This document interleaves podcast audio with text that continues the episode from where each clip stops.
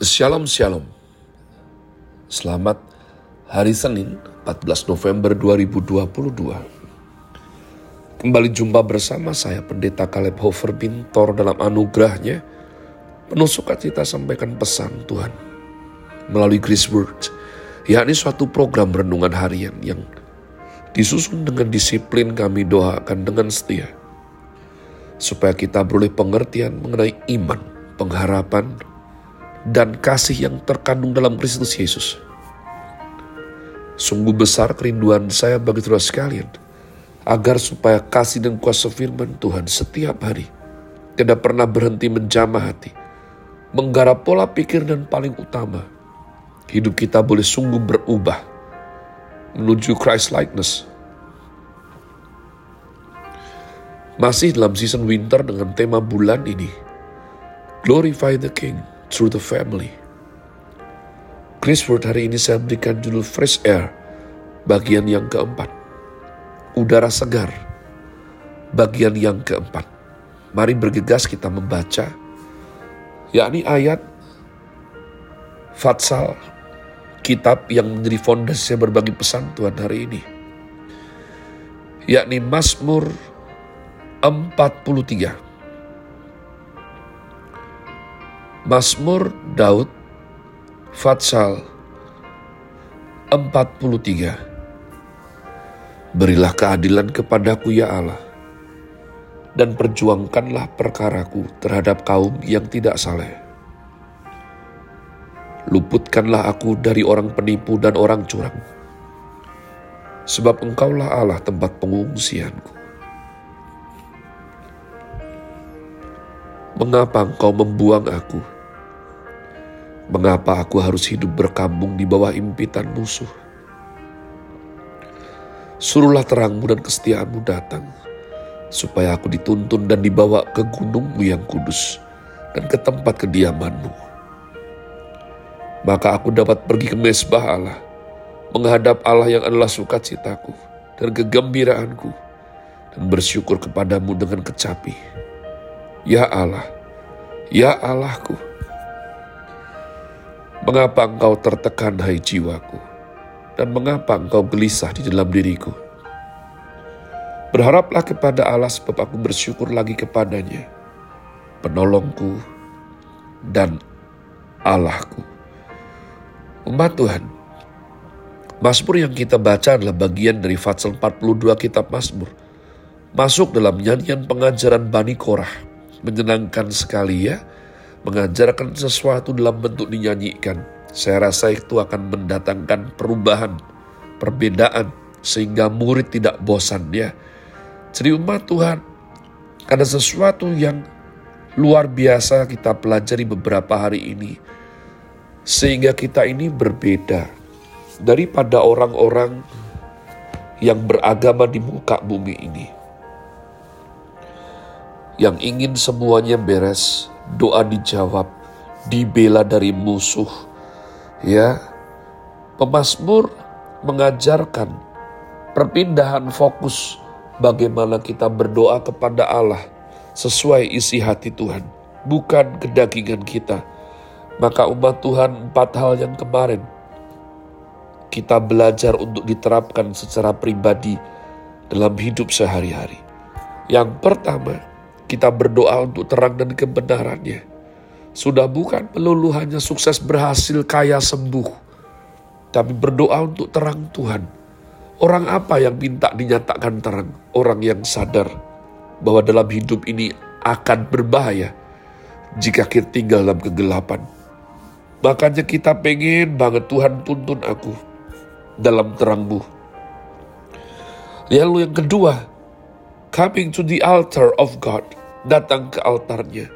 Umat Tuhan kemarin saya sudah katakan, seluruh ciptaan mempunyai ekosistem habitat di mana hanya di area habitat tersebut dia dapat mengalami puncak potensinya sebagai makhluk hidup. Sebagaimana burung terbang di angkasa, ikan berenang bebas di air. Apakah ikan berkata bahwa aku bosan di air?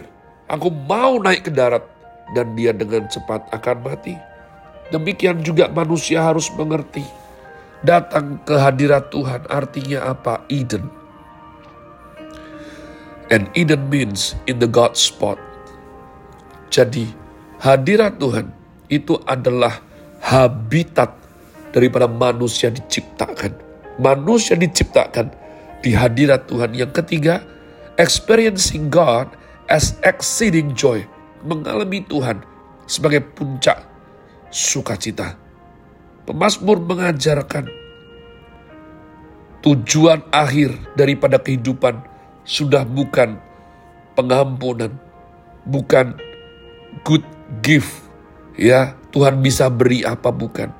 Tapi bagaimana mengenal Tuhan dan mengalami Tuhan sebagai pusat sukacita dan kebahagiaan kita. Ma Tuhan, orang-orang yang sudah mengalami mencintai anaknya, mengasihi istrinya. Itu walaupun dia, ya, kadang-kadang saya rasa kalau saya diberkati apa yang enak, segala macam, saya ingat istri dan anak saya. Aduh, betapa menyenangkannya kalau mereka juga makan apa yang saya makan ini. Tapi saya mengerti, kadang pada saat pelayanan, tidak boleh memberatkan daripada yang mengundang mbak Tuhan. Dan kalau semua berangkat, ia belum memungkinkan. Anak juga sekolah.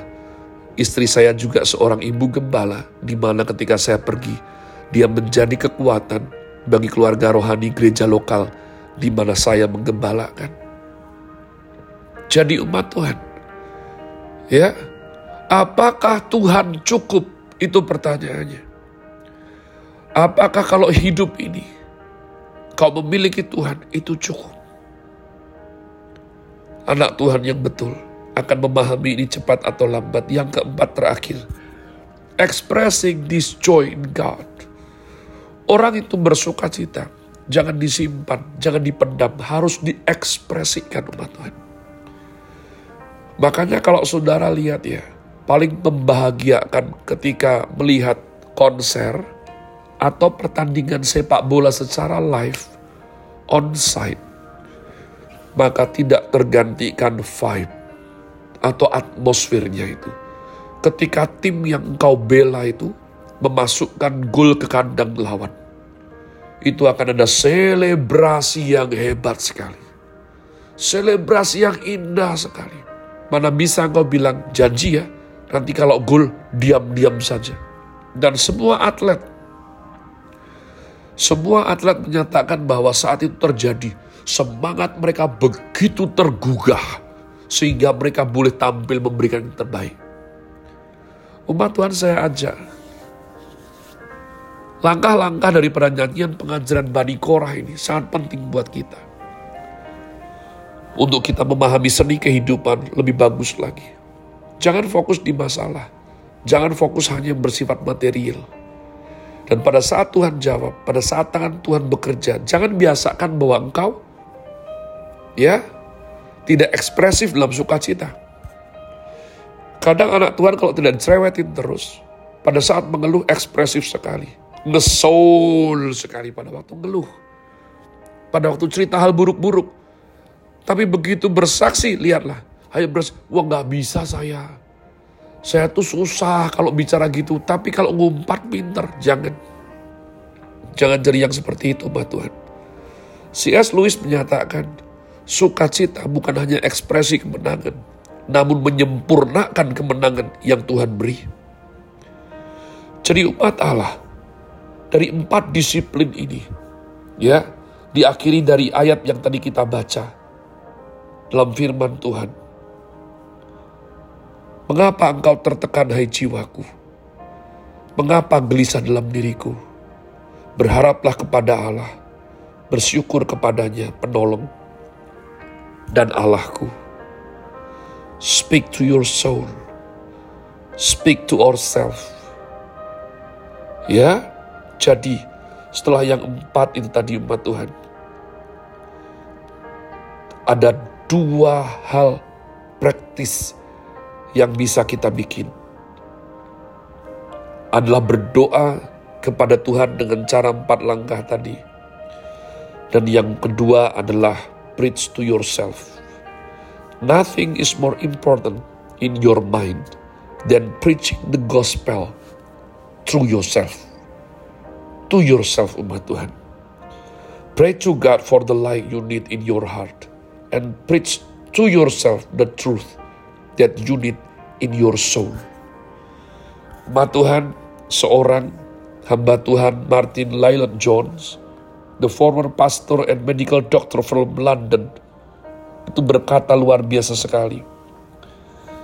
Describe the importance of preaching to ourselves. Saya langsung translate saja dalam bahasa Inggris. Ya, tulisannya adalah spiritual depression.